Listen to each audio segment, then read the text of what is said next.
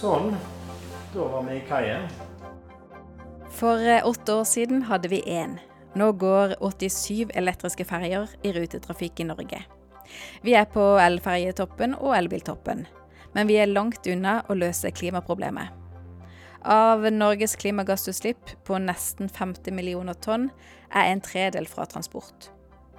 Dette er andre episode i podkastserien 'Norges vei til null'. Den er laga av meg, Kirsten Øystese, med hjelp fra Erlend Hermansen, seniorforsker ved Cicero, Senter for klimaforskning. Ansvarlig redaktør er Anders Bjørtnes. Takk til Fritt Ord, som har gitt støtte til produksjonen. Eh, eh?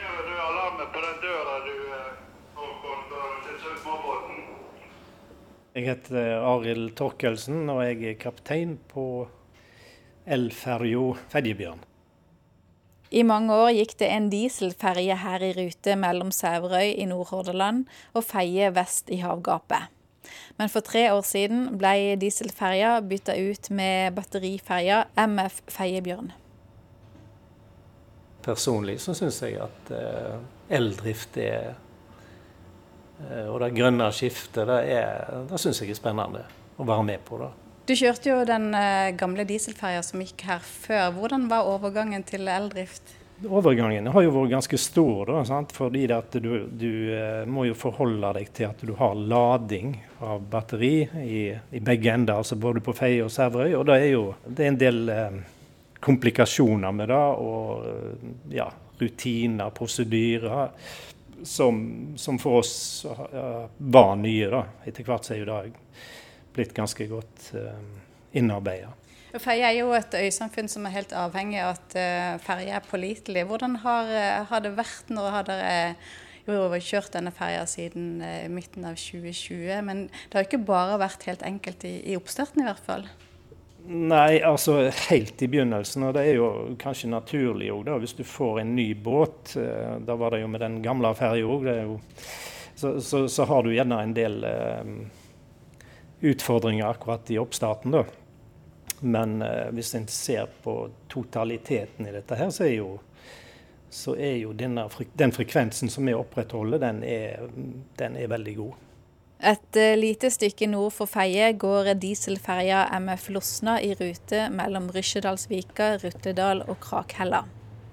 Så kan jo se her, Nå har vi regn, så har vi sol. Det må jo være verdens fineste kontor. Kaptein Henning Osvald begynte å seile i 1974. Jeg trives med den jobben her. Jeg har prøvd å jobbe på land, men jeg savner, jeg savner sjøen og fritida hele tida, egentlig. Hva er det med sjøen som tiltrekker deg?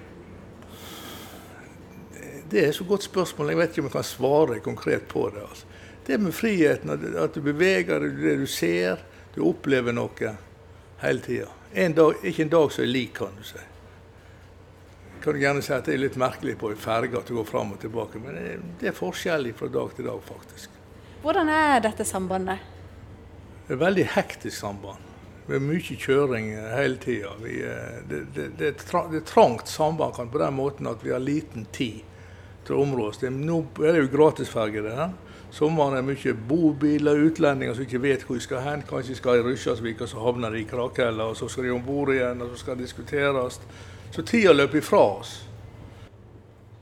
Selv om sambandet er langt og travelt, er MF Losna sannsynligvis den siste dieselferja som går her mellom Rysjedalsvika, Rutledal og Krakhella.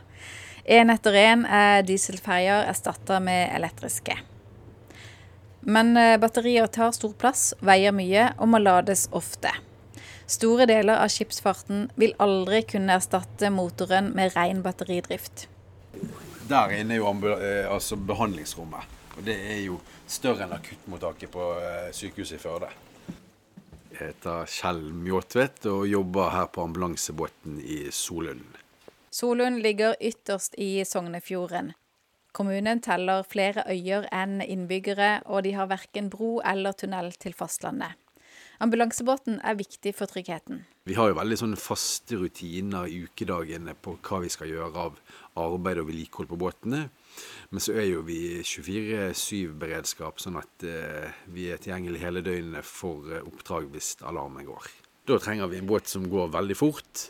Eh, for å komme raskt frem selvfølgelig til pasienten, men òg kunne frakte pasienten videre da raskt til landsiden og til syke, syketransport videre.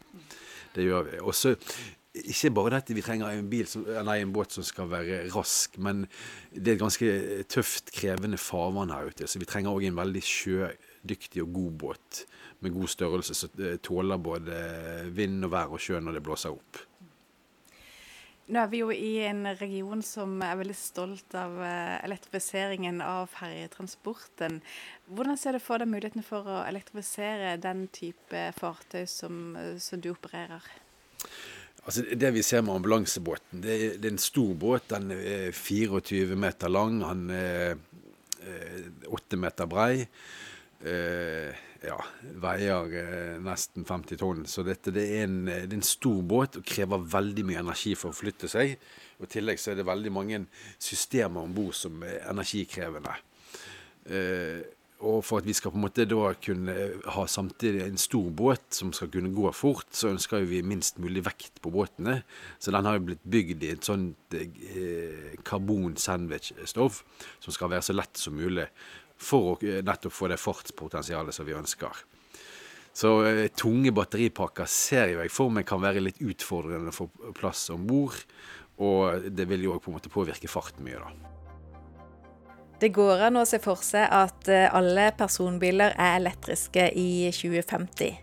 Det er også realistisk at alle bilferjer og passasjerbåter er utslippsfrie om 27 år. Men hva med ambulansebåten i Solund, eller store skip som frakter biler og stål og dongeribukser? Eller hva med fly mellom Oslo og Tromsø? En tredel av Norges utslipp kommer fra transport. Halvparten av transportutslippene kommer fra veitrafikken.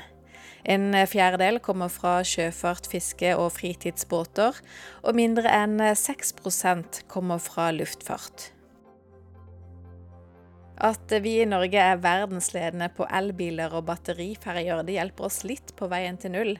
Men vi trenger flere teknologier for å fjerne alle utslipp. I eh, forrige episode fortalte seniorforsker ved Cicero Erlend Hermansen at vi trenger mange løsninger for å komme til null. Både teknologiske, eller tech fixes som man kaller det, og atferdsendringer. Og det gjelder også for eh, transportsektoren. Og Erlend, hvis vi tar for oss de teknologiske løsningene først. Hvilke teknologier vil vi være avhengig av for å kutte alle utslipp fra transport til null? Ja, igjen så er det en uh, buckshot, da. Sant? Det er ikke en silver bullet som, som funker. Det er en, det er en uh, sammensetning av ulike løsninger. Men uh, elektrifisering er jo en hovedstrategi, da. der vi allerede er ganske godt i gang på, på på personbilparken. Så nå er vel rundt 80% av nybilsalget er vel, uh, elbiler. Og uh, er vel bilparken sånn, så personbilparken rundt 15% elektrifisert. Så det, det, kommer til å være en viktig strategi også fremover.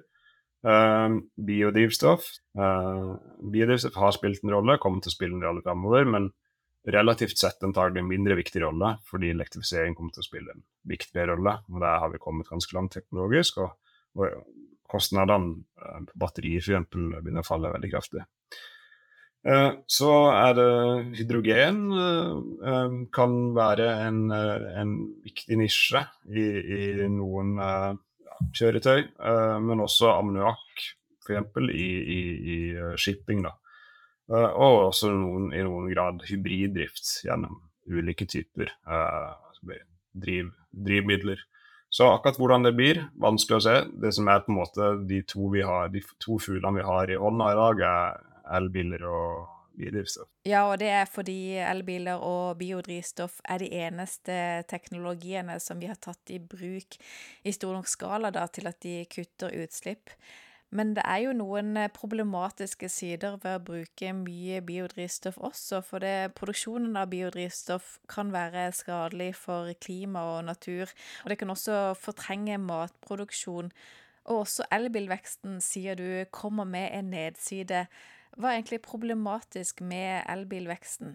Det er jo et ressursspørsmål. Uh, uh, råvarer til batterier osv. En del diskusjoner rundt det i det siste. og og sjeldne mineraler osv. Det, er det er ikke sånn at det, alle ressurser er uendelige. Tvert imot, alle ressurser er begrensa. Du må bruke det så smart du kan. Så, så, hvis, så, det er selvfølgelig sånn sett bedre å redusere transportbehovet. Bo smartere, bevege seg smartere, enn at alle skal kjøre rundt i, i hver sin elbil. Hvis uh, hver og en av oss skal kjøre rundt i hver vår bil, selv om det er en elbil, så trenger vi flere biler og mer vei. De siste tiårene har vi ikke klart å skape et mindre bilbasert samfunn, snarere tvert imot. Siden 1990 eh, har folketallet i Norge økt med 30% På samme tid økte personbilparken med 80 Antall varebiler har økt fra 164 000 til over en halv million. Og vi har fått eh, seks ganger så mange motorsykler i Norge nå enn for 30 år siden. Veien til null i transportsektoren handler ikke bare om å bytte fra bensin og diesel til elbiler, elbusser og elektriske ferjer. Det handler også om å endre på vaner. Om å gjøre det mulig for flere å velge andre transportformer enn privatbilen. Om å legge til rette for bildeling og kollektivtransport. Og så er det helt enkle eh, ting som legger til rette for sykkel og gange. har du bensinbil, dropper å kjøre den til jobb og sykle i stedet, så har du kutta utslipp. Så enkelt er det. Og så er det ikke minst arealplanlegging ikke sant? og stedsplanlegging, stedsutvikling, som, som, som spiller en veldig viktig rolle, men som ofte tar lengre tid, da. Ja, og da må vi bl.a. unngå å gjøre sånn dumme ting, da. F.eks. unngå å bygge nye boligfelt eller næringsbygg langt fra der kollektivtrafikken går. Men samtidig som vi må ha dette lange perspektivet på hvordan transportsystemet i et nullutslippssamfunn ser ut, så trenger vi også de teknologiene som gjør det mulig å transportere mennesker og varer på vei og på bane og til sjøs og i lufta uten utslipp. Og hvis vi ser på den eh, transporten vi har i Norge i dag, hva er enkelt å gjøre utslippsfritt, og hva er vanskelig? Norge mm, forsøker jo nå å få til elektrifisering av kortbanenettet i, i, i flysektoren. Det, det, er interessant, hvis man kan få til, få til det. Ja, og kutte, kutte utslippene. Uh, når det gjelder flytrafikken for øvrig, altså ja, fly til Europa og, og, og, til andre kontinenter, så, så, blir jo det nødt hvordan man skal få til det. da. Uh, der er det ulike typer løsninger som man kan benytte, men der er, det, er man ikke kommet så langt. da. Men Norge prøver virkelig å, å forske og utvikle på, på kortbanenettet. Det er mulig å, å, å bruke ammoniakk og hydrogen på skip, f.eks. i skipsfarten, men det er igjen økonomi og skala. Derfor er jeg så veldig opptatt av dette med, med næringspolitikk og innovasjonspolitikk. At de må kobles tettere, så du får teknologiene eh, opp og skalaene opp og kostnadene ned. Så vil det på sikt bli eh, konkurransedyktig. Grunnen til at mange eh, skip går på bunkers, olje og andre tunge drivstoffer, er jo fordi vi har infrastruktur for det, og, og fordi motorene på en måte er, designa med det. Og det tar tid å omstille. Det haster, og Derfor må du tenke litt hvassere hva angår innovasjons- og næringspolitikk. Vi må tenke hvassere om innovasjons- og næringspolitikken hvis vi skal klare å kutte utslippene fra transport raskt nok. Og kanskje må vi også tenke hvassere om innovasjons- og næringspolitikken for å fjerne utslippene fra industrien. For selv om industrien har kutta 40% av utslippene siden 1990, gjenstår de vanskeligste kuttene. Industri er tema i neste episode i podkastserien 'Norges vei til null'.